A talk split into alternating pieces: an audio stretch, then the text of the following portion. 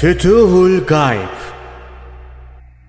Sultanül Evliya Gavs-ı Azam Abdülkadir Geylani Hazretleri 58. Makale Her yanı bırakıp Allah'ın fazilet kapısına dönmek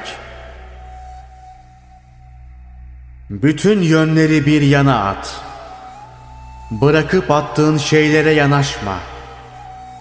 Onların birine dahi iltifat, maneviyatı yıkar, ilahi faziletin kapısı sana açılmaz.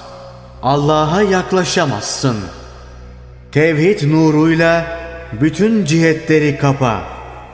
Kendini, nefsini, bilgini, ilahi ilim karşısında yok gör. Kalp gözün açılır.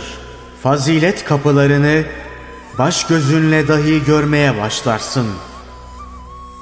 Artık baş gözün maddi göz değil, kalp gözündür. İman yakın nurudur. Bu nur iç alem parladıktan sonra dışa vurur.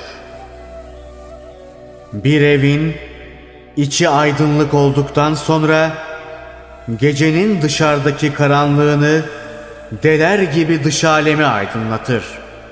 Bu nur zuhur ettikten sonra her varlığın ona uyar.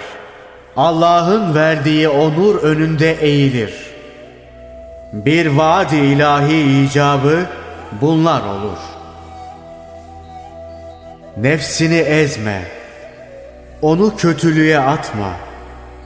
Ve onu kendi başına bırakma. Onu kendi isteğine bırakırsan şaşar, halka bağlanır. Hakkı unutur. Maddi kuvvete ve sebeplere güvenir, mahvına sebep olur. Hayır kapılarını sana kapar.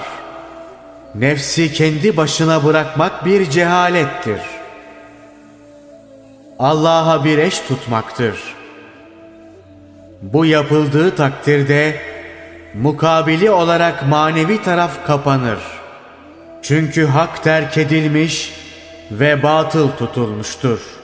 Şunu da bilmelisin ki ilahi kapılar her zaman açıktır. Her an tövbe yolları görünmektedir. Onları tuttuğun an yine hak yardımına erersin. Merhamet eli seni yine kurtarır.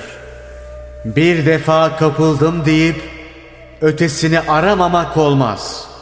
Allah'a dönmek istediğin an kabul olunmuş sayılırsın. Dön ve yalvar. Onun rahmeti seni tutar. Hastalıklara şifa verir. İstediğin zenginliği ve her güzelliği bulursun. Eğer yine bir şaşkınlık yapmazsan böylece kalırsın ve yokluk senin için yok olur.''